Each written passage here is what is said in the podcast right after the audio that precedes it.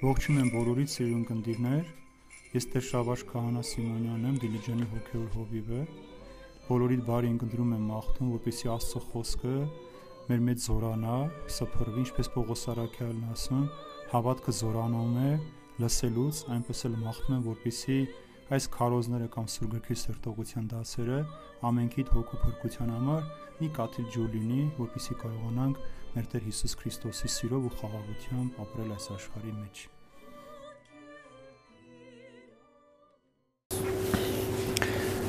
Օրհնյալ Տեր մեր Հիսուս Քրիստոս ամեն Հայր մեր որ հերկինս ես Սուրբ Եղեցի անուն քո Եգեսը արքայություն քո եղեցին գամ քո որպես հերկինս եւ հերկրի ըսած մեր հանապազոր տուր մեզ այսօր եւ թող մեզ սպարդիս մեր որպես եւ մեկ թողունք մերոց պարտապանած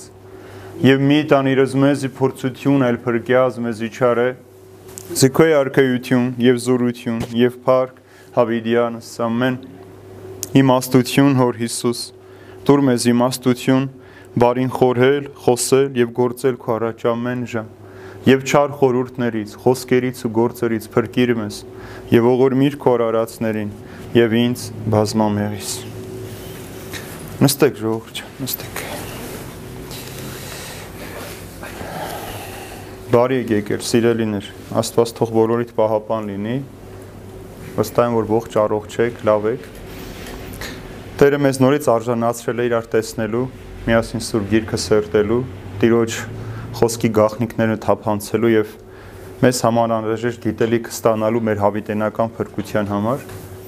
Եվ այսօր պիտի շարունակենք Ղուկասավետեն երկրորդ գլուխը 21-ից 35 համարներ այսօր պիտի սերտենք Հիսուսի թլպատության եւ տաճար ընծայման մասին պիտի խոսենք եւ Սիմեոն ծերունու մասին եւ նրա մարգարեության մասին պիտի խոսենք տեսնենք թե ինչ եղավ եւ ինչու այդպես եղավ մենք անցյալ անգամին խոսեցինք թե ինչպես Հիսուս կյանքի հացը Բեթխեհեմում ծնվեց եւ այդ ծնունդի առաջին վկաները կենթանիները եղան եւ հովիվներ եղան ինչպես հրեշտակներին կողմից ավետվեց որ ծնունդը 3 պատճառ ուներ որpիսի Աստծո փառք, այսինքն Աստծո ներկայությունը մշտական լիներ մարդկանց մեջ, մարդ եւ Աստվածը հաշտություն ունենային, մարդը հետ կանգներ իր մեղքերից եւ վերադառնա նորից իր արարչին, եւ վերջապես հաշտություն լիներ մարդկանց միջև։ Մարդը մարդուն կարողանար սիրել եւ գնահատել։ Եվ ահա հրեական օրենքի համաձայն երեխաները գիտեք Աստված Աբ รา համի հետ ուխտ ուներ արած, թլպատվում էին, եւ հիմա տեսնենք թե Հիսուսի թլպատությունը ինչպես տեղ ունեցավ, ինչպես 40 օր հետո Հիսուսին տարան տաճարին ընծայելու նույնպես օրենքի համաձայն, եւ ինչպես Սիմեոն ծերունին Սուրբ Հոգուց առաջնորդած եկավ այդ մանուկին գրկելու, ասելու որ ահա այս մանուկը լույս պիտի լինի հեթանոսների համար եւ փրկություն իր ժողովրդին։ Կարդանք այսօրվա ընթերցելիքը։ Եվ երբ 8 օրեր լրացան, նա թլպատվեց։ Նրա անունը Հիսուս դրվեց։ Ինչպես հրեշտակի կողմից կոչվել էր եւ դեռ չէր հղացել մոր որովայնում։ Երբ որ նրանց սրբագործյան օրը լրացան, Մովսեսի օրենքի համաձայն նրան Երուսաղեմ տարան Տիրոջը ներկայացնելու համար։ Ինչպես գրված է Տիրոջ օրենքում, ամեն առուզավակ, որ արգանդ է բացում տիրոջ համար սուր պիտի կոչվի եւ տիրոջ օրենքում ասվածի համաձայն ընծա պետք է տալ մի զույգ տատրա կամ աղավնու երկու ձակ արդ Երուսաղեմում Սիմեոն անունով մի մարդ կար եւ այդ մարդը արդար ու աստվածավախ էր եւ ակնկալում էր Իսրայելի մխիթարությանը եւ Սուրբ Հոգին նրա մեջ էր եւ Սուրբ Հոգուց հրամայված էր նրան մահ չտեսնել ինչեւ որ տեսներ Տիրոջ օծյալին նա հոգով առաջնորդված եկավ տաճար եւ երբ ծնողները բերին Հիսուսին նրա վրա կատարելու ինչ որ օրենքի սովորության համաձայն էր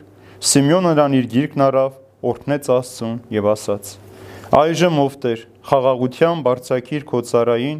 ըստ քո խոսքի որովհետեւ աչքերս տեսան փրկությունը քո որ պատրաստեցիր բոլոր ժողովուրդների համար լույս որ կլինի հայտնություն հեթանոսների համար եւ փառք Իսրայելի քո ժողովրդի համար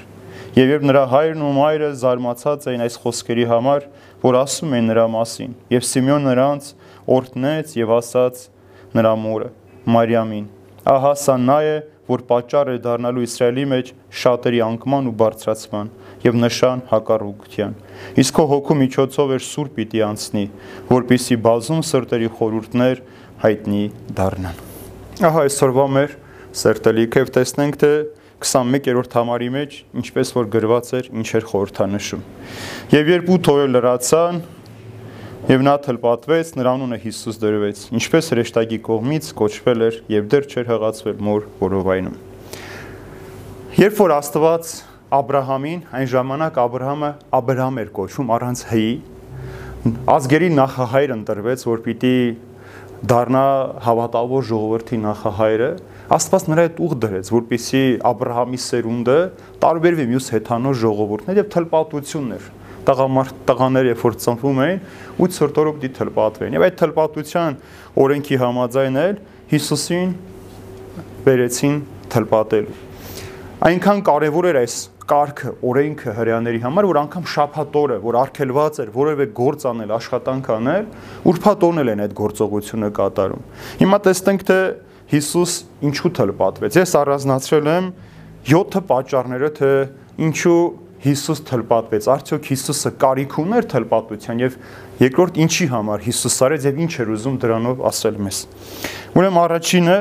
մարդկանց համար թլպատվեց Հիսուս սիրելիներ։ Ինչու համար մարդկանց համար արվեց այս ամեն ինչը։ Իր առաջին ցավը վերցրեց իր վրա։ Այսինքն մարդկանց համար առաջին ցավը կրեց։ Ինչպես որ վերջնակետը խաչելություններ, խաչի ճանապարհներ, չարչարանքներ, արդեն մանուկ հասակից Հիսուս մեզ համար չարչարվեց, այդ նեղությունը կրեց մեզ համար, որpիսի օրինակ ծառայի, այնինչ որ որ գրված է, փոխանցված է մեզ, մենք պիտի կատարենք նաև։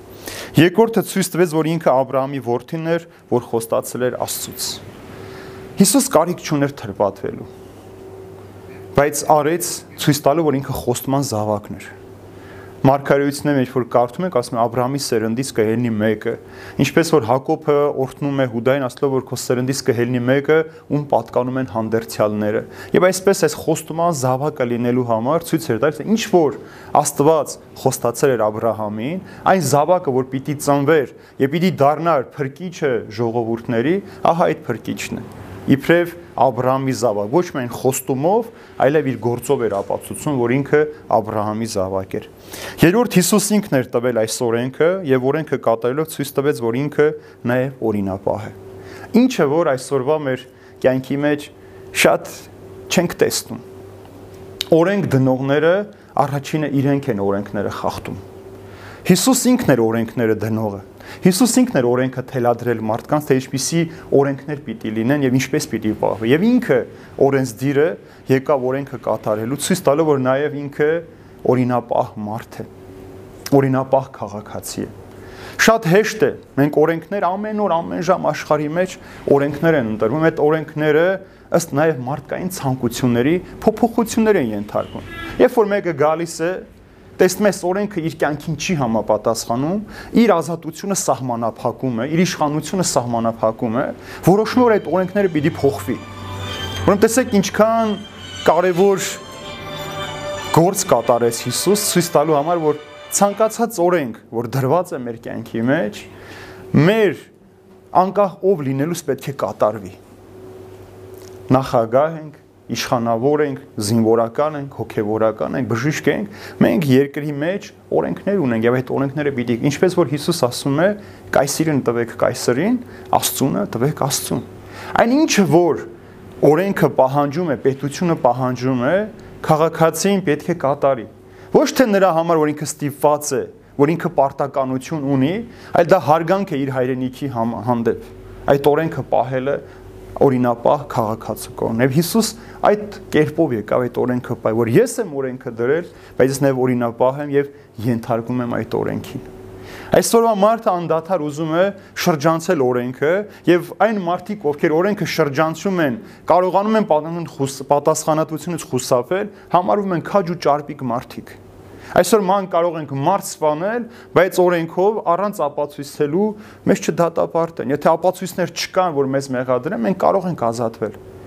Ուրեմն օրենքը սրա համար չի, որ մեզ անդադար արդարացնի, օրենքը նաև պահելու համար է, կիրառելու համար է, որpիսի մենք օրինապահ կոչվենք, ինչպես որ մեր Տերն էր օրինապահ։ Չորրորդը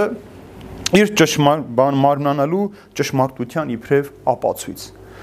Ինչու իբրև ապացույց Հիսուս եկավ թրպատվելու սիրելիներ։ Ինչպես որ այն ժամանակ այսօր էլ շատերը կասկածի տակ են դնում Հիսուսի իրական ծնունդ լինելը, որ Հիսուսի պես փրկիչը ծնվել է աշխարհի մեջ։ Եվ առաջին երկրորդ դարերում աղանդ կար, որ կոչվում են երևութականներ։ Անկամ Հիսուսի խաչելությունը համարում են, որ Հիսուսը երևութապես է խաչվել, իրականում Հիսուսը չի խաչվել։ Եվ այդպես էլ օրինակի համար 1914 թվականին Յովայ վկաները մեծ հայտնություն է որ 14 թվականին աշխարհի վաղճանը պիտի լինի եւ մարդկությունը պատրաստվում էր աշխարհի վաղճան երբ որ չեղավ ոչինչ ասեցին որ Հիսուս անտեսանելի եկավ առանց մեզ մենք իրեն տեսնելու Հիսուսը եկավ եւ եղավ այդ գործողություն։ Հետո փոխեցին 75-ին, հետո 2000, հիմա էլ առաջիկա տարիներին են այդպես վանանում։ Ուրեմն Հիսուսը հայտնապես պիտի գար եւ օրինակը հայտնապես լինելու ցույց տվեց այդ փոքրիկ գործողությամբ, որ ինքը մարմնապես ծնվել է եւ ծնված է եղել աշխարհի մեջ եւ իր անունը իբրև պատմական փաստ արձանագրել է մարդկության պատմության մեջ։ 5-րդը Հիսուսով օրենքը իր վաղճանին հասավ։ Ուրեմն ամեն ինչ օրենքով էր, գիտեք հрьяաները մինչև այսօր էլ տարածիորեն պահում են շատ օրենքներ։ Օրինակի համար մինչև այսօր 21-րդ դարը ուրբաթ օրը երեկոյան 5-ից մինչև շաբաթօրյան երեկոյան 5-ը նրանք չեն աշխատում։ Ոչինչ չեն անում։ Անկամ պատահանույթ վարդակը չեն թեքում, որ լույսը վառվի կամ վերելակի կոճակը չեն սեղմում դա աշխատանք են համարում։ Տարածորեն պահում են, բայց հոգով շատ հեռու են։ Ինչու Հիսուսով օրենքի իր վաղճանը գտավ, ցույց տալու համար, որ այլևս օրենքով չէր, որ մարդը պիտի արդարանալ, այլև Հիսուսով պիտի մարդը արդարանար։ Ուրեմն օրենքները հիմա ինչ որ կան, մենք կարող ենք այսօր բազում հանցանքներ գործել, արդարանալ կամ դատապարտվել եւ օրենքի արժե մեր պատասխանատու կրենք, բայց հավիտենական կյանք մտնելու համար, փրկության համար մարդ այլևս կարիք ունի Հիսուս Քրիստոսի։ Եթե ասում է օրենքով պիտի ապրեք Պողոս արել, եմ պիտի ամբողջ օրենքը պահես։ Ոչինչ չպիտի շեղես։ Բայց օրենքը այլևս չկա մեր կյանքի մեջ եւ դրա համար գաղատասն նամակի մեջ ասում է մինչեւ այսօր օրենքն էր մեր խնամակալ դաստիարակը։ Բայց քանի որ Հիսուս եկավ, այլևս օրենքի պետքը չունենք մեկ անգամ մկրտվելով, Հիսուսին միանալով, այլևս Հիսուսը, որ ապրում եւ գործում է մեր մեջ։ Ուրեմն Հիսուսով ենք այլևս արդարանալու։ Օրենքները պահել չպահելը Դրա համար Պողոս Արաքյալը Հռոմեացի նամակի մեջ ասում է՝ «Մի սուտողը թող չուտող ինչ ասի, մեղադրի ինչու չես ուտում։ Չուտողն էլ թող ուտողին չմեղադրի, որովհետև Հիսուս էլ ասում է, ինչ որ մարդը ուտում է, դա չի պղծում մարդուն, այլ մարդու բերանից դուրս եկածն է, որ պղծում է մարդուն, որովհետև իր սրտի ավելցուկից է դուրս գալիս։ Ուրեմն օրենքը իր վաղճանը գտավ, այլևս մարդը Հիսուսով պիտի փրկ եւ դրա համար էլ նաեւ տաճարի վարակույրը պատրվեց եւ սրբություն սրբոցը բոլոր մարդկանց համար հասանելի դարձավ, ինչպես որ Հիսուս իր ծնունդով բոլորի համար հասանելի եղավ։ Վեցերորդը Հիսուսի թլպատությունը առաջին ցավ կրելն էր ցիներ։ Առաջին ցավը կրեց Հիսուս։ Առաջին իբրև մանուկ երեխա իր առաջին ցավը կրեց մարդկանց մեղքերի թողության համար։ Սա առաջին ցավն էր մանուկ 8 օրեկանում ինքը արդեն մեզ համար ցավ կրեց։ Եվ եცորորդ ի վրա վերցրեց մեր բոլորի մեղքերը։ Հիսուսը եկավ, մտավ օրենքի տակ, մեր մեղքերը վերցրեց իր վրա եւ դրանով մեզ մաքրեց ու լվաց։ Բոլորիս փոխարեն այդ ցավը կրեց, օրենքը պահելով մեզ ազատեց օրենքի իշխանությունից եւ հանձնեց Աստծուն։ Ուրեմն այս 7 կետերի մեջ էր ամփոփած թե Հիսուս ինչու համար թլպատվեց։ Եվ այդ թլպատությունը ուխտի նշան էր, որ կատարվում էր հрьяաների վրա եւ այսօր աշխարհում մնացել են հрьяաներ եւ բոլոր մուսուլմանները, իսլամները, որ թլպատվում են Մենք քրիստոնյաներս այլևս դրա կարիք չունենք եւ հարց առաջացավ առաջին դարում, երբ որ արդեն արաքյաները գնացին քարոշչության, հարց էր նորադարձ մարդկանց թլպատել, չթլպատել։ Եվ առաջին ժողով առաքելական 49 թվականին, որ Երուսաղեմում տեղ ունեցավ, հարցը փակվեց, որ այլևս մարդը իր մարմնրա պետք չունի նշան դնելու, որpիսի տարբերվի մյուսներից, որովհետև այդ տարբերությունը արդեն մեր մկրտությունն է, տիրոջ խաչն է, խաչի նշանը, որ մենք պիտի կրենք։ Եվ այս օրինակով էր սիրելիներ, մենք ենք, որ քրիստոնյա եկեղեցին 8-րդ օրն է մկրտում երեխային։ Դրա համար մեր մկրտության ավազանները փոքր են շատ, սա 8 օրեկան երեխայի համար է, որ երեխան երբ որ ծնվում է, մենք առաջին անգամ նրա անուն այդ օրն է տալիս քահանան ասում է այսինչ անունով այսինքն Հովանես անունով այս երեխան գալեկել է մկրտվելու եւ մկրտում է հոր, որդու եւ Սուրբ Հոգու անունով այդ առաջին անգամ այդ պահին են անունը դնում ինչպես որ հիշում եք Հովանես մկրտչի ծննդյան օրը 8-րդ օր եկան թլպատեցին ուզում էին անունը Զաքարիա դրեին բայց ասեց որ անունը պետք է Հովանես լինի ուրեմն այդ օրը առաջին անգամ հիմա է որ մենք արդեն հիվանդանոցում ինչև ծննդյան վկայական անուն ազգանունը գրանցած չենք տանում անում երեխային չեն կարող դուրս գրել, հնում այդպես էր քահանաներ վկան եւ քահանաներ գրանցում, որ օրը ծնվեց, որ օրը մկրտվեց, որ օր ամուսնացա, որ այդ ամենը եկեղեցու ծխամատյաններում էր գրվում եւ պահվում։ Հիմա մեր մյուս հարցը թե ինչու հենց 8-րդ օրը դրվեց, այսինքն չդրվեց 7-րդ օրը, 5-րդ օրը կամ 10-րդ օրը, 8-րդ օրը դրվեց։ Մենք գիտենք, որ Սուրբ գրքի մեջ թվերը ինքն խորթաբանական նշանակություն ունեն։ Օրինակ ասենք, գիտեք, 7-ը կատարելության թիվն է, չէ՞։ Իր մեջ խորհրդանշում է 4 տարերը, հողը, ջուրը, կրակը, օդը եւ Սուրբ երրորդության խորհուրդ, այսինքն առանց այս 7-ի հնարավոր չէ ապրել։ Չէ, մարդը կարող է առանց Սուրբ երրորդության ապրել չի կարող ապրել։ Կարող է առանց օդի, ջրի, հողի կամ կրակի ապրել, չի կարող ապրել։ Եվ այդպես էլ 8-ը հավիտենության նշանն է 8-ը հավիտենական կյանքի խորհրդանիշն է։ Եվ ինչու է հավիտենության խորհրդով դրած, ինչպես որ Աբ รา համը թլպատությամբ տարբերվում էին հեթանոսներից, այնպես էլ մենք քրիստոնյաներս հավիտենությամբ զանազանվում ենք դժողքի մատնված մարդկանցից։ Մենք պատկանում ենք մկրտությամբ հավիտենան, որտեղ Աստված մկրտությամբ էս որթե գրում է, որ իր ժառանգն է դարձնում եւ Սուրբ Հոգու տաճար ենք դառնում եւ երկնքի արքայության բնակիչներ ենք կոչվում։ Ուրեմն այս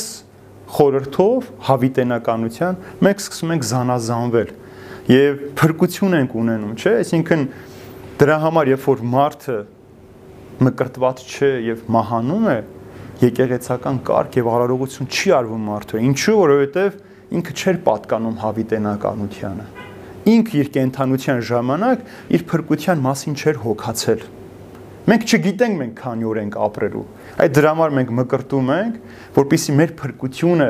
զանազանությունը անհավատից, հեթանոսից, մեղավորից, դժողքում եղող մարդուց մենք այդ տարբերությունը ունենք, որpիսի երբ էր որ մահը պատահի, մենք կարողանանք Աստծո առջև կանգնել եւ ասել, որ մենք քեզ ենք պատկանում, մենք մկրտությամբ, որ թե գրված ենք եւ երկնքի արքայության քաղաքացի ենք։ Այս խորհուրդը թլպատության կատարելու համար սիրներ պարտադիր չէր, որ երեխային տանեին տաճար։ Ուրեմն ինչ որ այս որ տեղ ունեցավ, կամ մսուրում էին դեռևս ծնողները Հիսուսի կամ գուցե տեղափոխվել են որևէ պանտոկ ավելի փափուկ ու տաքուկ կյանքում եւ կանչում էին քահանային գալիս էր այս արարողությունը տաններ անում եւ դրանից հետո արդեն 40-րդ օրը մայրը առաջին անգամ իրավունք ուներ գնալու տաճար։ Հիմա տեսնենք թե հաջորդ համարները 22-24 համարների մեջ ինչ է տեղ ունենում։ Երբ որ նրանց սրբագործման օրերը լրացան, Մովսեսի օրենքի համաձայն նրան Երուսաղեմ տարան Տիրոջը ներկայացնելու համար։ Ինչպես գրված էր Տիրոջ օրենքում, ամեն առուզավակ, որ արգանդ է բացում Տիրոջ համար, սուր պիտի կոչվի։ Եվ Տիրոջ օրենքում ասվածի համաձայն ընծա պետք է տալ մի զույգ տատրակ կամ աղավնու երկու ցակ։ Ուրեմն, երբ որ կինը սիրելիներ տղա էր ունենում, պարտավոր էր 40-րդ օրը երեխայի հետ ներկայանալ տաճար։ Եթե աղջիկ էր ծնվում, նա պետք է գնար 80 օր հետո։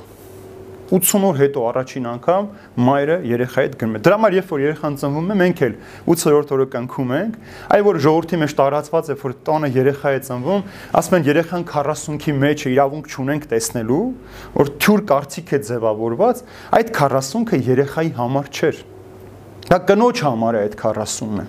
40-ը, որ կինը 40 օր ինքը դեռ շարունակում էր մաքրվել իր արգանդից պիտի գար ավելորդությունները մաքրվել, կին իրավունք չուներ սրբավայր գնալու, Աստծո տունը մտնելու։ Դրա համար այդ 40-ը կնոջ համար հնում ավելի խիստ էր։ Այդ կինը նույնիսկ իրավունք չուներ ճաշ եփելու։ Նրա եփած ճաշը չէին ուտում։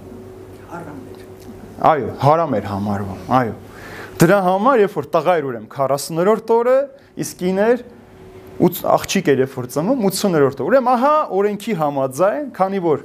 արգանդից արու զավակ էր ծնվել 40-րդ օրը Աստվածամայրը օրենքի համաձայն Հոսեփի հետ Մանուկ Հիսուսին տաճար բերեցին։ Ուրեմն իսկ աղջկան ինչ որ տղամարդուն 8-րդ տղային 8-րդ օրն են թլպատում, աղջկան էլ 15-րդ օրն էին տանում տաճարին ընծայելու եւ մայրը նոր արդեն 80-րդ օրը գալիս էր եկեղեցի։ Ուրեմն տեսեք Աստվածամայրը սիրելիներ կարիք չուներ գալու տաճար 40, որովհետև ինքը գիտեք, կույս էր, կույս հղիացել էր, ծննդաբերությունը ինքը կույս մնացել էր, նշանակում էր այդ բնական ֆիզիկական գործընթացը աստվածամոր վրա չէր կարդացել եւ պարզապես աստվածամայրը փորձեց իր խոնարհությունը ցույց տալ աստծուն հաճելի լինել եւ օրենքը կատարել որպիսի հանկարծ հрьяաները չկարողանային մեղադրել ասելը որ ձեր զավակը օրենքին չենթարկվեց եւ դուք էլ օրենքով չշարժվեցիք ուրեմն նույնը Աստված Հիսուսի ծնողներն էին նրանք էլ օրինակ պահեին քանի որ Հիսուսը մարդկային սերմից հղացած չէր, կարիք չուներ Աստվածամայրը գալու, բայց եկավ օրենքը կատարելու, որ ցույց տա իրանք օրինակ պահեն եւ հրեա առաջնորդների կողմից որպիսի որևէ մեղանդրանք չլինեն։ Եվ տեսեք, օրսմը բերեցին օրենքի համաձայն նաև զոհ մատուցեցին, պետք է մատուցեն երկու տատրա կամ աղավնու ձակ։ Եթե հարուստ էին, նրանք գառնուկ էին զոհաբերում։ Հիսուսի ծնողները աղքատության զոհ մատ, որտեվ հարուստ չէին եւ երկու աղավնու զակ զակ բերեցին։ Ցույց տալու է որ Հիսուսը հարուստ չէր, աղքատ էր, իր ընտանիքն էլ աղքատ էր։ Եվ այդ խոնարհության մեջ էր որ Հիսուս երկնքից իր փառքը թողավ, Հովան Ոսկեբերան հայրապետն ասում է Աստվածը աղքատացավ, որպիսի մարդը հարստանա։ Աստվածը մարդացավ, որպիսի մարդը նորից Աստվածանա երկինք վերադառնա, որտեղից որ այնտեղից վերադարձել էր։ Եվ քանի որ իրենք աղքատ էին, աղքատի զոհաբերություն արեցին, եւ այդ զոհաբերությունն էլ ընդունել էր։ Այսօր էլ չէ մեր մեջ կա որ ովքեր գումար ունեն, մատաղ երբ որ խոստացել են Աստծուն շնորհակալություն հայտնելու, թե գումար ունեն, գառնուկ են Եթե չունեն, ակաղաղ են անում կամ նույնպես աղավնի են բռնում, ոդկը մի փոքրիկ կտրվածք են անում, բաց են թողնում, ինչպես որ հին ուխտի մեջ էր։ Բայց սա մեզ համար զոհաբերություն չէր, մեզ համար մատաղը աղքատին տրվելի կերակուրն է եւ մեր մեղքերի խավության եւ թողության հետ որևէ կապ չունի սիրելիներ։ 25-26 համարները Երբ Երուսաղեմում Սիմեոն անով մի մարդ կար, եւ այս մարդը արդար էր, եւ Աստվածավախ էր եւ ակնկալում էր Իսրայելի մխիթարություն եւ Սուրբ Հոգին նրա մեջ էր։ Սիմեոնը առաջին անգամ իր անունը այստեղ ենք լսում։ Մենք չգիտենք ինչ այդ, ինչ էր արել, ինչով էր զբաղվել, որ սերնդից էր, որ ընտանիքին էր պատկանում, չի նշվում։ Բայց ով լինելու մասին մեն այստեղ է հայտնի լինում, թե ով էր։ Բայց գիտեք որ քրիստոնյա եկեղեցին ինքը բացի Սուրբ Գիրքը, որ աղբյուրն է բոլոր ճշմարտությունների, նաև մեկ ուրիշ աղբյուր ունի, որ կոչվում է ավանդություն։ Ինչը որ մերժված է տարբեր կրոնական խմբակներին։ Մյուս կրոնական խմբակները, որ ոչ ուղափառ Սուրբ գրքից բացել ճշմարտություն չեն ընդունում, ասելով թե Սուրբ գրքի մեջ գրված չի, ուրեմն ճշմարիտ չէ եւ չի կարող ճշմարիտը լինել։ Բայց շատ-շատ խոսքեր, օրենքներ, գործեր, ծիսական մեր կյանքի սովորույթներ Սուրբ գրքում չկա, մեզ բանավոր է փոխանցված։ Ինչպես օրինակ པարզ օրինակ եթե վերցնենք, ասում է Հուդա Արաքյալը, որ Մովսեսի մարմնի համար, երբ որ Միքայել հրեշտակապետը մենամարտում էր, կռվում էր սատանայի հետ, նրան երբեք չհայոյեց։ Ասես թող տե Աստված քեզ պատժի։ Բայց երբ որ կարդում ենք Մովսես Մարգարեի մահը, այնտեղ որևէ դրվագ չկա, թե երբ եւ ինչպես է Միքայել հրեշտակապետը մենամարտել սատանայի հետ։ Կամ ինչպես Պողոս Արաքյանն ասում է, ինչպես Մովսեսի ժամանակ Հանես եւ Հերմես կախարներ այդպիսի գործեր չէին, այլ որ չրջում ենք Մովսեսի ժամանակը, այդպիսի անունով կախարներ չկան։ Կամ երբ որ Հակոբը երազ տեսավ, հիշում եք, չէ, որ երազը տեսավ, երկինքը բացված, հրեշտակները բան, ինչ վեր կացավ, ինչ արեց, զոհասեղան պատրաստեց եւ յուղով ոցեց։ Բայց Հակոբից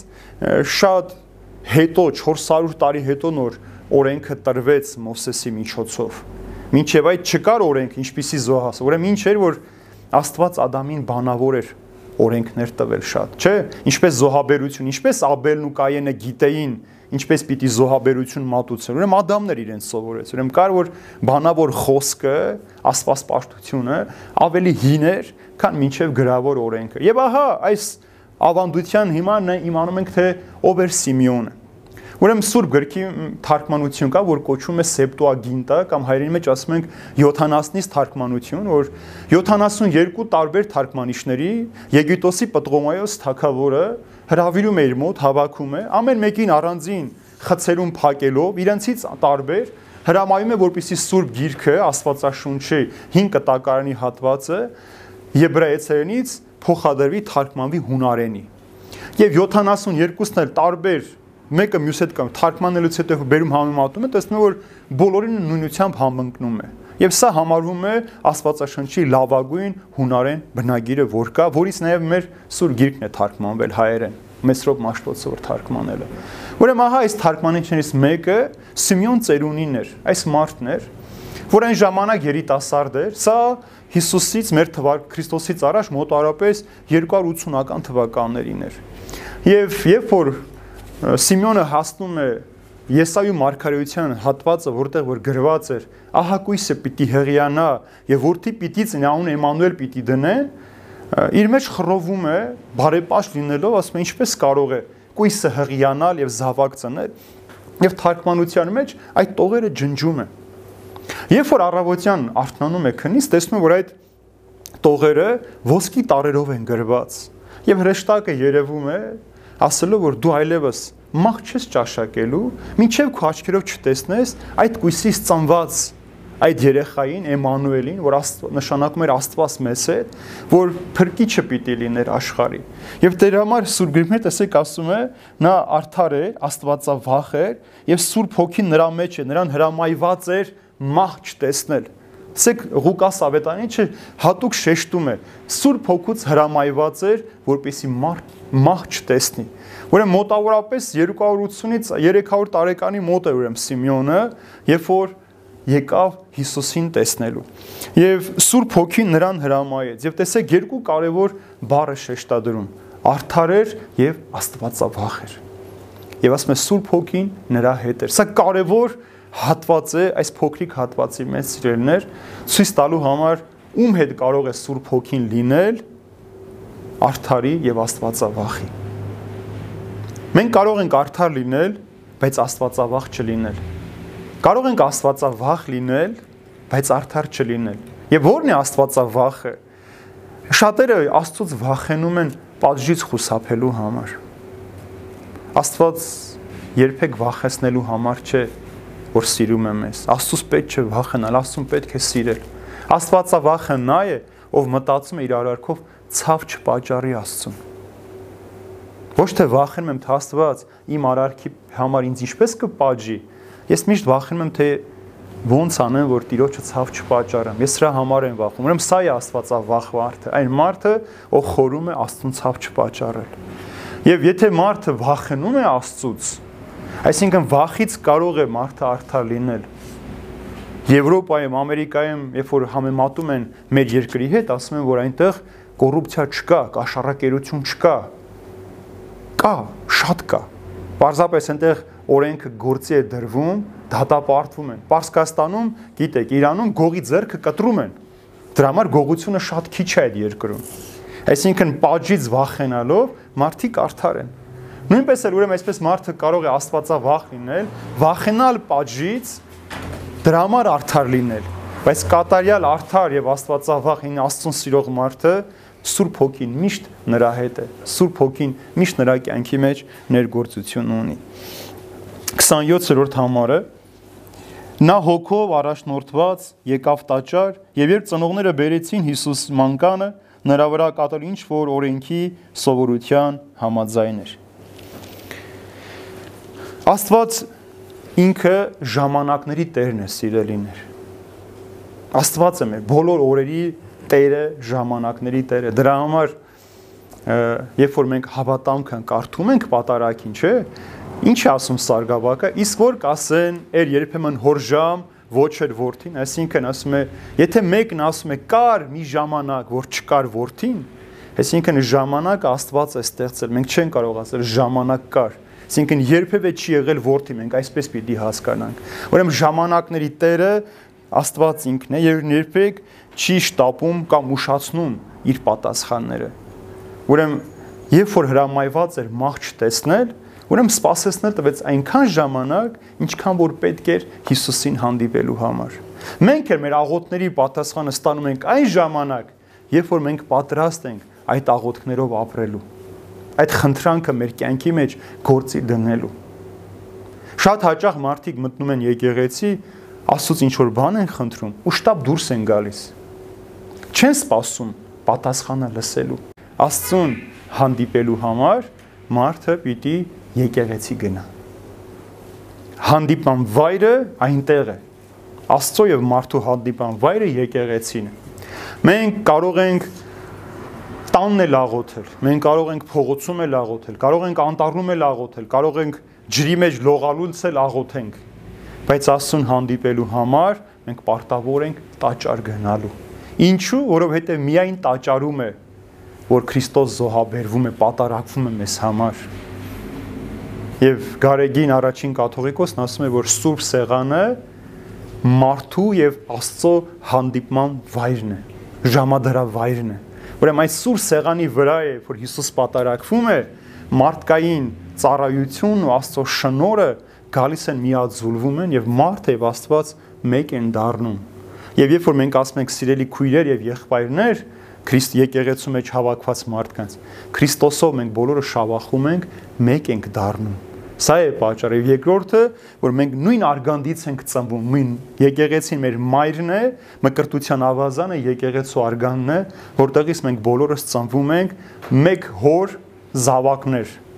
եղբայրներ եւ քույրեր ենք դառնում։ Ուրեմն սա ցույց է տալիս, որ Սիմեոն օրինակով, եթե մեկն ուզում է իրականում Աստծուն հանդիպել, Աստծուն տեսնել, նա պետք է միշտ եկեղեցի գնա։ Տաճարում պետք է լինի, որպիսի կարողանա Աստծո հետ հանդիպումը միշտ իր կյանքի մեջ հավիտենական ներկայություն դարձնել։ 28-րդ համարը Սիմեոնը նրան իր գիրկն առավ, օրհնեց Աստծուն եւ ասաց. Ինչ արեց Սիմեոնը։ Տեզերքը արարչին գրկեց իր գրկի մեջ։ Համբուրեց։ Այն որ մենք տեզերք ամբողջ տեզերքը Քրիստոսի ձեռքի մեջ է, հանկարծ հիմա Հիսուսը Սիմեոն այս ծերունու գրկի մեջ էր։ Եվ երջանկացավ Սիմեոնը, ուրախացավ, քանի որ իր գրկում Հիսուս ինքն էր։ Հիսուս ուզում է, որ մենք էլ Սիմեոն ծերունու պես կարողանանք գտնել իրեն։ Եվ ինչու են գեր մեր մեծերը, երբ որ հավաքում են սեղանի շուրջ ուրախանալու, երեխաները մի մաղթանք ունեն, չէ՞, ասում են մեծանակ Սիմեոն ծերունի դառնակ ոչ միայն որ երկար կյանք ունենաք Սիմեոն ծերունու պես, այլև սինուպես արժանանաք Քրիստոսին տեսնելու, զգալու այդ երջանկությունը, ինչ որ որ Սիմեոնն ուներ, մենք էլ ունենանք։ Ուրեմն Սիմեոնը պատրաստվել էր մանուկ Հիսուսին տեսնելու, սпасել էր, սпасում էր։ Սուրբ Հոգին հրամայել էր մահ չտեսնես։ Ուրեմն տեսեք արդարությունը, աստվածավախությունը ինչ արեց մարդուն։ Ոչ միայն տեսավ, այլև գրկեց Աստծուն։ Իր գրկի մեջ էր Աստված, համբուրեց, երջանկացավ եւ ուրախությամբ ասեց հիմա թող գնամ մահանամ, ինչպես որ հիմա տեսնենք հաջորդ համաների մեջ ինչ ասում Սիմեոնը։ 29-րդ համարը. Այժմ ով Տեր, խաղաղությամբ արྩակիր քո цаրային ըստ քո խոսքի։ Տեսեք, ասում եմ հիմա արྩակիր ինձ։ Բաց թող ինձ քո խոսքի համաձայն։ Ինչ է նշանակում իմ կապանքները արցակիր։ Այսպես խնդրում են այն մարդիկ, ովքեր ձգտում են արարչի հետ լինելու սիրելիներ, ովքեր ձգտում են, այսինքն այս աշխարհը իրենց կապում է եւ ուզում են հավիտյան նրա հետ լինել, որովհետեւ նրանց համար մահը հավիտենական կյանքի սկիզբն էր։ Անցյալ տարի մի պապիկ խնդրել էր ինձ գնամ իրեն այցելության։ Երբ որ գնացի, հարցրեցի ինչ եղել պապիկ, ինչ ես ուզում ինձ տեսնել ասաց խնդրում եմ Աստծուն ասա թող հոգիս առնի։ Չեմ ուզում այլևս ապրեմ այս աշխարհում։ Խնդրում եմ ասաց, դու ասաց որ Աստծուն խնդրես, Աստված կանի քո ասածը։ Խնդրի թող ինձ թողնի։ Եվ խոստովանացրեցի պապիկին, հաղորդություն տվեցի, իր մեղքերին թողություն տրեցի, հաջորդ օրը պապիկը ննջեց խաղաղության։ Այսինքն այս մարդու համար այլևս այս աշխարհում կապողը ինչ որ կապում էր իրեն, թույլ չէր տալ իր արարչի հետ լինելու եւ ուզում էր ինքը գնալ։ Եվ այս խոսքը բոլոր նրանց համար, ովքեր որ ուզում են հավիտենական կյանքը ժառանգեն։ Հավիտյան Աստծո հետ լինեն։ Սա իրենց խնդրանքն է։ Ինչպես որ Պողոս Արաքյալի խոսքն էր։ Ինձ համար մահը շահ է։ Ուրեմն այս մարդիկ, ովքեր ուզում են նոր կյանքի սկիզբ ունենան, իրենք միշտ ձգտում են այս աշխարհի կապանքներից ազատվել։ Եվ շատ-շատ կապանքներ կան, որ մարդուն կապում են, եւ նաեւ մեր կյանքի ընթացքում թույլ չեն տալիս, որպեսզի մենք Հիսուսի հետ լինենք։ 30-31 համարները. Որովհետև աչքերս տեսան փրկությունը քո, որ պատրաստեցիր բոլոր ժողովուրդների համար։ Քանի որ ինձ համար կյանքը Քրիստոս է, Պողոս Արաքյալն է ասում, սիրելիներ, եւ մահը շահ է ինձ համար։ Ուրեմն մարմնից դուրս գալը եւ Քրիստոսի հետ լինելը ավելի լավ եմ համարում։ Այսպես էր ասում Պողոս Արաքյալը։ Մարմնից դուրս գալ եւ Քրիստոսի հետ լինել ավելի լավ եմ համարում։ Նույն բանն է ասում, աչքերս տեսան քո փրկությունը, որ պատրաստել ես բոլոր ժողովուրդների համար Ուրեմն իր խոստումը ստացավ, ինչպես որ իրեն խոստացվել էր։ Եվ այս խոստման համաձայն էլ ուզում էր որ գնար այլևս։ Պատկերացնեք մոտավորապես 300 տարի։ Այսօր մարդը 100 տարի ապրում է, ասում ենք, այս ինչքան երկար ապրեց։ Հիմա մենք 300 տարի ապրեց։ Ու անդադար սպասումի մեջ երբ պիտի լինի, երբ պիտի գա։ Հիմա տեսավ եւ ասում այլևս ուզում եմ քեզ հետ ինեն հավիտյան։ Ինձ համար մահը ավելի լավ եմ համարում, քան թե այս աշխարհի մեջ ապրելը սիրելիներ։ 32-րդ համարը լույս, որ կլինի հայտնություն հեթանոսների համար եւ փառք Իսրայելիքո ժողովրդի համար։ Հիսուս որպես լույս եկավ աշխարհ սիրելիներ։ Լույսը։ Մենք առավոտյան արևագալի ժամերգություն ունենք, ամբողջը լույսի փառաբանությունն է լույս, արարիչ լույսի, որ եկար աշխարհը լուսավոր, արեգակ արդարության, ճշմարտության։ Ուրեմն առանց Հիսուսի չկա ճշմարիտ լույսը։ Լույսը աշխարհի, որ մարդը լուսավորվում է, քայլում է Հիսուս Քրիստոս ինքն։ Եվ այդ լույսը ուրախություն է մարդկանց համար։ Երբ որ այս լույսերը վառվում են, մենք չենք ուրախանում։ Դա մեզ համար ուրախություն չէ, չէ՞։ Մեր ամեն օր առօրյա գործն է փողոցի լույսերը վառվում են, այո, լավ է մեր ճանապարհը լույսավորում, բայց մենք դրանից չենք ուրախանում։ Եվ այդ եթե ուրախանում ենք էլ, այդ ուրախությունը հավիտենական չէ։ Հենց այդ պահի համար էր։ Հենց այդ պահի համար էր։ Բայց Քրիստոսի լույսը հավիտենական ուրախություն էր։ Քրիստոս, որտեղ ինքը մարդկային կյանքի ուրախությունն է։ Առանց Հիսուսի չկա ուրախություն այս աշխարհի մեջ։ Եվ ասում է լույս պիտի լինի հեթանոսների համար հեթանոսները խավարի մեջ էին հերու էին Աստծոց եւ Հիսուսի լույսով լուսավորվեցին իսկ ինչու փրկություն ժողովրդի համար հատկապես Իսրայելի ժողովրդի համար այդ փրկությունը արհամարվեց եւ երբ որ այստեղ ասում է Իսրայել ես շատ եմ ասել ձեզ որ Իսրայելը պետք չէ հասկանա հрья ժողովրդին այստեղ, համարում ենք Աստծո նոր ժողովուրդ, քանի որ հрьяաները իրենք մերժեցին Հիսուսին, չընդունեցին Հիսուսին, եւ Հիսուս նոր Իսրայելը ստեղծեց, քրիստոնյա աշխարհը ստեղծեց իրեն հավատացողների համար այդ լույսը լինելու։ Բայց այսօր ինչ է արել մարդը սիրելիներ լույսի հետ։ Այսօր մարդը ճշմարիտ լույսի հետ չի ապրում եւ ճշմարիտ լույսի մեջ չէ։ Այսօր մարդը այնքան առաջ գնացել, որ տեսեք, Մենք ամեն օր առավոտյան աղոթքի մեջ այսպես ենք ասում, մենք Տեր, որ գիշերը ստեղծեցիր մեր հոգնած բնության հանգստյան համար, իսկ լույսը ստեղծեցիր, որպեսի բարիք գործենք, բարություն անենք։ Այսպես է ուրեմն կյանքը։ Ցերեկը բարիքի համար է, գիշերը մեր տկարացած բնության հանգստի համար։ Բայց ինչ արել 21-րդ դարի մարդը։ Ցերեկը քնում է, պարապ է, ոչինչ չի անում, Գիշերը արեստական լույսը վառում է եւ այդ լույսի տակ ինքը մեղքեր է գործում։ Հակառակը, որ պիտի գիշերը մարդը քներ, այսօր շատ-շատ քաղաքներում, աշխարհի հատկապես մեգապոլիսներում գիշերային կյանքը ավելի սարսափելի է, մեղքերով լեցուն է, քան ցերեկվա կյանքը։ Որտեվ Ինչ ասում Հովանես Ավետարանը, ասում է Հիսուսը լույս եկավ աշխարհ, բայց մարդիկ լույսը չընդունեցին, որովհետև իրենց գործերը խավար էին։ Չուզեցին այդ լույսը, որովհետև խավարը ավելի սիրեցին։ Եվ հնդկական գեղեցիկ մի ասացվածք ասում է ճշմարտությունը նման է լամպի լույսի։ Ասում է մեկը այդ լույսի տակ Աստվածաշունչ է կարդում, մեկը մեկ ուրիշի ստորագրությունն է կեղծում։ Ուրեմն տեսեք, մեկ այդ լույսի տակ սուրբ գիրք է կարդում, մեկ Աստծո ստեղծած լույսի Քրիստոս արեգակի լույսի ներքո մարդը ուրախանում է, բարիք է գործում, մեկ այդ լույսի տակ մեղքի կյանք է ապրում։ Եվ երբ որ մարդը խախտում է բնության Աստծով հաստատված օրենքները, որ ցերեկը գործելու, խոսելու համար է, գիշերը քնելու, բայց մարդը ցերեկը քնում է, գիշերն է արտանում։ Եվ բոլոր հանցանգործություններն էլ գիշերն են լինում, թշնամին էլ գիշերն է հարցակվում, երբ որ մարդիկ քնած են։ Գողն էլ գիշերն է մտնում մարդուտուն, երբ որ մարդը հանգստանում է։ Ուրեմն նշանակում է, որ մարդիկ չուզեցին այս լույսը ճաշակել։ Չուզեցին, այլ լույսեր փնտրեցին իրենց կյանքի մեջ։ Իսկ ճշմարիտ լույսը նույնիսկ մինտեղում է, ամփոփող է եւ միշտ կարոտով սпасում է դեպի իրեն գնացող այդ լույսը, որպիսի կարողանան հավիտենական կյանքին արժանանան։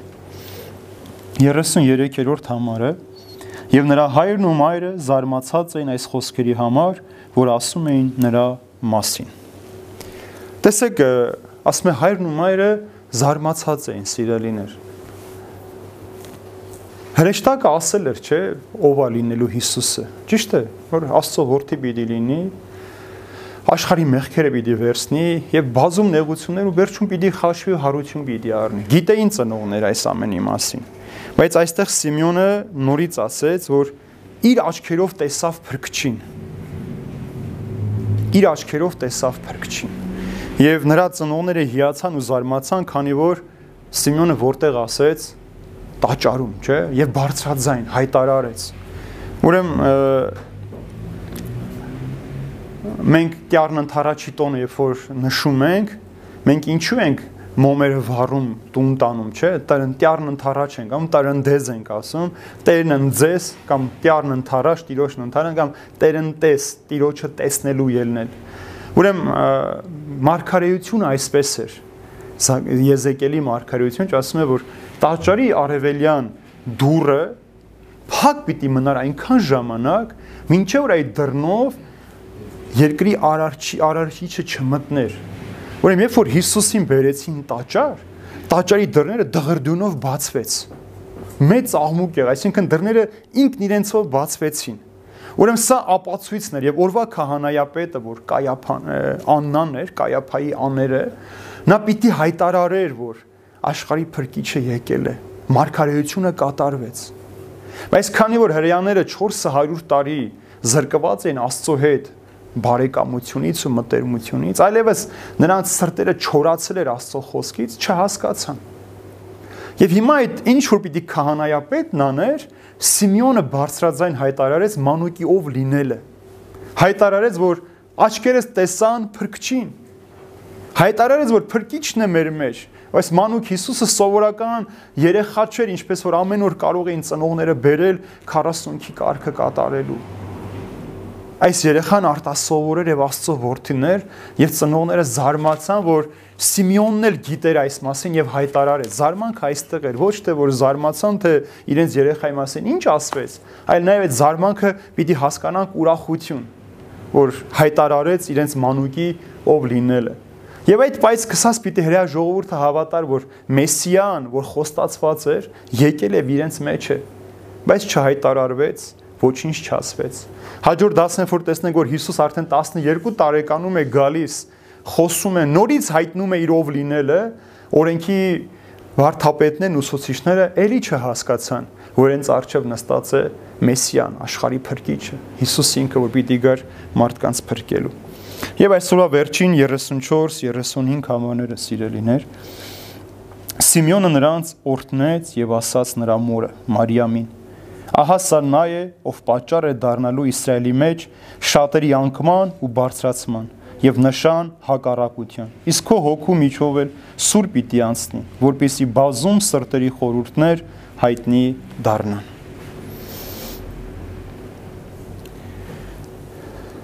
Տեսեք օրհնեց նախ իր ծնողներին Մարիամին եւ Հոսեփին եւ դառնալով Մարիամին ասեց, ահա սա պատճառ պիտի դառնա շատերի անկման եւ բարձրացման։ Հիմա եթե անհավատ մարդը կարդա այս տողը առաջին հայացքից պիտի հասկանա, որ ինչ է Հիսուս ուզում է պատժել մարդկանց։ Հիսուս եկել է մարդկանց ոչնչացնելու։ Չէ, սիրելիներ, Հիսուս երբեք պատերազմի մտադրությամբ չի եկել։ Անկամ երբ որ Հիսուս Երուսաղեմ էր մտնում, ձիով չեկա, որտեղ ձին պատերազմի խորհրդանիշն է։ Այսինքն ձիով եկողը պատերազմ է, բայց Հիսուս ավանակով եկավ, ցույց տալ որ ինքը խաղաղությամբ է եկել։ Ուրեմն Հիսուս ոչ թե պետք է նրանց կործանել, այլ նրանք պետք է Հիսուսին չհավատալով կործանվեին։ Շատերը Հիսուսին չհավատալով պիտի կործանվեին, հավատալով պիտի բարձրանային, չէ։ Եվ ինչ է ասում Հովանես Ավետարանի, չէ, ով նրան հավատում է, չպիտի դատապարտվի, եւ ոչ նրա եւ ով նրան չի հավատում, արդեն իսկ դատապարտված է, քանի որ Աստծո միածին որդու անվանը չհավատացին։ Ուրեմն հստակ ցույց է տալիս, որ ով որ Հիսուսին հավատաց, չպիտի դատապարտվի, պիտի Աստծո զավակ կոչվի, լույսի որդի պիտի կոչվի, ով որ Հիսուսին չհավատաց, նա պիտի դատապարտվի եւ կորստյան պիտի մատնի։ Սա է ընկնելու եւ բարձրանալու պատճառը եւ հակառակության պատճառ պիտի լանա։ Հիսուս իր խաչով նշան պիտի լինի Այսօր նույնպես քրիստոնյա կրոնական խմբակները, որ մենք աղաններ ենք ասում, շատ շատերը խաչը չեն ընդունում։ Խաչը մերժում են։ Չեն հավատում խաչին։ Եվ Հիսուսի իր խաչի նշանով հակառակություն պիտի լիներ։ Դրա համար ասում է Պողոս Արաքյալը, խաչի քարոզությունը հիմարություն էր հույների համար եւ գայթակղություն հрьяաների համար։ Եվ մյուս տեղում էլ ասում է քավլիցի, այսինքն Աստված չանի, եթե սա էլ բանով པարծենամ, քան մեր Տեր Հիսուս Քրիստոսի խաչով, որով աշխարհն է ինձ համար խաչված, ես էլ աշխարհի համար։ Ովքեր կհավատան հավիտենական կյանք կունենան, իսկ ովքեր չեն հավատա, մահ կունենան։ Խաչի նշանով Հիսուս հակառակություն եւ խաչի խորուրդը նույնպես գալիս է 5 կտակարանից հիշում եք երբ որ հрья ժողովուրդը մեղ գործեց, Աստված ինչ արեց։ Օցեր ուղարկեց, չէ, մարդկանց մեջ։ Օցերը խայթում էին եւ մարդիկ մահանում են։ Եվ Մովսես որ խնդրեց, ասաց՝ լավ, մի փայտ դիր անապատում, պղնձի մի օծ պատրաստիր, եւ ով որ խայթված է, բերեք թող նայեն այդ պղնձի օծին եւ կկենթանանան։ Այսինքն հակաթույնը նայելու մեջ էր։ Հիմա մեղքի պատճառով մարդը մահացավ, Հիսուս խաչը դրվեց երկնքի եզերքի վրա, աշխարի մեջ, ով որ խայթված է մեղքից, միայն պիտի նայեր Հիսուսին եւ պիտի կենթանանար։ Միայն պիտի նայեր խաչին։ Եվ սա հակառակության ձևն է։ Ով չի ուզում նայի, նա չպիտի ապրի։ Ով իր հայացքը չի բարձրացնում, մենք Մանասե թակավոր աղոթքի մեջ ասում ենք, անգամ չեմ կարող մեղքերից բազմության պատճառով նայել երկնքին քո բարձրությունը, որտեղ մեղքերս թույլ չեն տալիս։ Բայց դրա համար էլ ասում է Տեր, ամեն դեպքում իմ մեղքերը ներիր ինձ, որpիսի ես չմեռնեմ։ Մեղքը թույլ չի տալիս, որ նայես եւ տեսնես։ Ուրեմն այդ նշանն է, որ պիտի խաչի նշանին. Նայես եւ տեսնես, որpիսի հավիտենական կյանք ունենաս։ Եվ տեսեք Եբրայեցիների նամակի մեջ Պողոս Արաքյալն ինչ է ասում։ Կենթանի Աստծո խոսքը, ազդու եւ ավելի հատու, քան ամեն մի երկսայրի սուր որ կտրում անցնում է մինչև ոգու եւ հոգու, հոգիների եւ ողնացուցի բաժանման սահմանը։ Նա քննում է սրտի մտածումներն ու խորհուրդները եւ նա առաջ եւ նրա առաջ չկա անտեսանելի արարած, այլ ամեն ինչ པարզ ու հստակ է նրա աչքերի առաջ։ Ոչ մի բան չկա, པարզ ու հստակ է, որ սուր է կտրում, անցնում է ամեն բան, բայց Աստծո խոսքը Քրիստոսի ինքը ներկայությունը ամեն ինչից առաջ է ու ամեն ինչից վեր է սիրելիներ։ Եվ Աստվածամորն էլ մեկ ուրիշ բան է ասում, քո սրտի միջով էլ սուր պիտի անցնի, որպեսի բարում բազում սրտերի խորուրդներ հասանելի լինեն մեզ համար։ Ինչու պետք է Աստվածամոր սրտի միջով սուր անցներ։ Մենք հայտնի սրբապատկերը 7 վերքի տեսել ենք, չէ, որ 7 սրեր Աստվածամոր սրտի միջով անցած են սիրելիներ։ Ուրեմն Աստվածամայրը այդ 7-ից բացի էլի տեսավ, այդ սուրերը շատ տեսավ գույսը, շատ ցավեր ունեցավ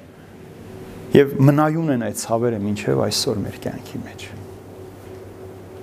Ամեն օր ամեն մարդ, որ Հիսուսից հեռանում է, նորից սուր է անցկացնում Աստվածամոր սրտի միջով։ Աստվածամայրը տեսավ այդ ամենը, բայց երբեք չհուսահատվեց։ Իրեն իր արգանդի մեջ 9 ամիս մնացած զավակը արհամարվեց, ծեծվեց, գանահարվեց, խաչը բարձացվեց, անգամ խաչի վրա չհավատացին, գեղարդով կողը խոցեցին։ Այդ բոլորը Աստվածամայրը տեսավ։ Այդ բազում սրերը անցան Սա առաջինն էր, չէ՞։ Երկրորդը, երբ որ Հիսուսին կորցրեցին եւ վերադարձան տաճար հաջորդ շաբաթին կտեսնենք այդ պատմությունը։ Եվ այսպեսի շատ-շատ բազում, որպեսի ասում է, բազում խորհուրդներ սրտերի հասկանալի լինեն։ Մեր կյանքի մեջ էլ, երբ որ մեզ որևէ բան պատահում է, մենք չենք անդրադառնում, մենք միայն հետո ենք անդրադառնում։ Կամ ասում ենք, ում ենք մի կտոր հաց տվել։ Կամ ասում ենք, Եթե այն ժամանակ այսպես ասած չլինեի կամ արած չլինեի, այսպես չէր լինի։ Ուրեմն մենք հետադարձ հայացքով ենք հասկանում խորուրդները Աստվածամայրը եւ Հայր Հոսեփը ներկայով էին տեսնում այդ ամեն ինչը եւ ապրում են եւ մինչեւ այսօր 2000 տարի տեսնում են երկնքից այդ ամեն ինչը։ Մեր կյանքի մեջ 4 կարևոր բաներ կան, որ ասում են, որ մենք չենք կարող հետ վերադարձնել արցակված նետը, մեր ասված խոսքը, մեր ձեռքերի գործերը եւ մեր ապրված կյանքը։ Մենք չենք կարող դրանք, չէ՞, մեր կյանքը կարող ենք հետ վերադարձնել, չենք կարող։ Նետն էլ, մեր ասած խոսքն էլ, մեր գործն էլ չեն կարող վերադառնալ, որտեղ մեր գործերից շատ բան է կախված։ Բայց այն ինչ որ մենք անում ենք այս 4 եւ այլ բաներ եթե կան մեր կյանքի մեջ, պետք է այնպես անել, որ օրհնության վերադառնան մեզ արցակած նետը մեր բարի գործերն են։ Մեր բերանից դուրս եկող խոսքերը պիտի օրհնություն լինի, որ մեր կյանքի մեջ էլ օրհնության վերադառնա։ Մեր գործերը բարիք պիտի լինեն, որ չարիքի չվերածեն։ Մեր անցյալ կյանքն էլ, որ մենք անց ենք կանցնում, մենք պիտի իմանանք, դրա համար Սուրբ Գիրքն ասում է ձեր երիտասարդությունը այնպես ապրեք, որ խորցերության ժամանակ սրտի խայթ չունենաք։ Ուրեմն զգուշացնում է, որ երիտասարդության օրերին մենք կարող ենք շեղվել մեր ճանապարհից, որովհետև այդ ժամանակ փորձությունները շատ-շատ են լինում։ Դրա համար է որ եկեղեցու մեջ օրենք կան թունված, որ 30 տարեկանից շուտ թույլ չէին տալիս մարդը քահանայա գործեր։ Դի 30 լիներ, որ հետո քահանա դառնար։ Ինչու՞ որտեվ երիտասարդին պետք է անցներ եւ 30-ը մարդու կատարյալ տարիքներ։ Այսինքն այդ կատարյալ վիճակի պիտի հասնեիր, որ գործեիր։ Ուրեմն մեր կյանքի բոլոր դժվարություն նեղությունները սիրելիներ սրի պես են, որ անընդհատ պիտի անցնեն մեզ։ Այսքանն էր այսօրվա մեր ընթերցումը։ Մյուս դասին երկրորդ գլուխը կավարտենք, պիտի խոսեինք Աննայի մարգարեության մասին, որ Սիմեոնի պես նույնպես տաճար եկավ եւ խոսում էր Մանուկ Հիսուսի մասին եւ Մանուկ Հիսուսը տաճարում 12 տարեկաններում օրենքի ուսուցիչները զրուցելիս այս հատվածի մասին կսերտենք ու կավարտենք երկրորդ գլուխը։ Ինչ էր այսօրվա падգամը, սիրելիներ։ Երեք կարևոր բան, որ Հիսուս փոխանցեց մեզ։ Նախ թլպատության օրենքի միջով մեզ հիշեցեց մեր օրինապահ լինելու մասին Օրինապահ քաղաքացիներ լինելու։ Այսօրվա մարդը պետությունը, քաղաքը, փողոց իրենը չի համարում։ Ասում եմ, ում որ ընտրել ենք, թող ինքը հոգ տանի դրա մասին։ Եվ հատկապես այսօրվա մարդիկ իրենց տան պատերը, ցանկապատերը բարձրացնում փակում են, որ ոչ ոք չտեսնի այնտեղ ինչ կա։ Ոչ թե նրա համար, որ հարևանները չտեսնեն, այլ որ մեր գործած մեղքերը տեսանելի չլինեն։ Մենք այդպիսի պատեր շատ ենք բարձրացնում մեր կյանքի մեջ եւ հատկապես Աստծո համար ենք բարձրացնում։ Բոլոր օրենքների առջև մենք կարող ենք արդարանալ։ Մեր պատիժը կրել, բայց Աստծո առջև մենք չենք կարող արդարանալ Մեր ամեն մի խոսքի, մի ամեն մի բառի, մեր մեր կյանքի ապրած ամեն օրվա համար մենք պատասխան պիտի տանք Աստծուն։ Այլ որ մենք մահանանք, մեր հրեշտակը մեզ պիտի ուղեկցի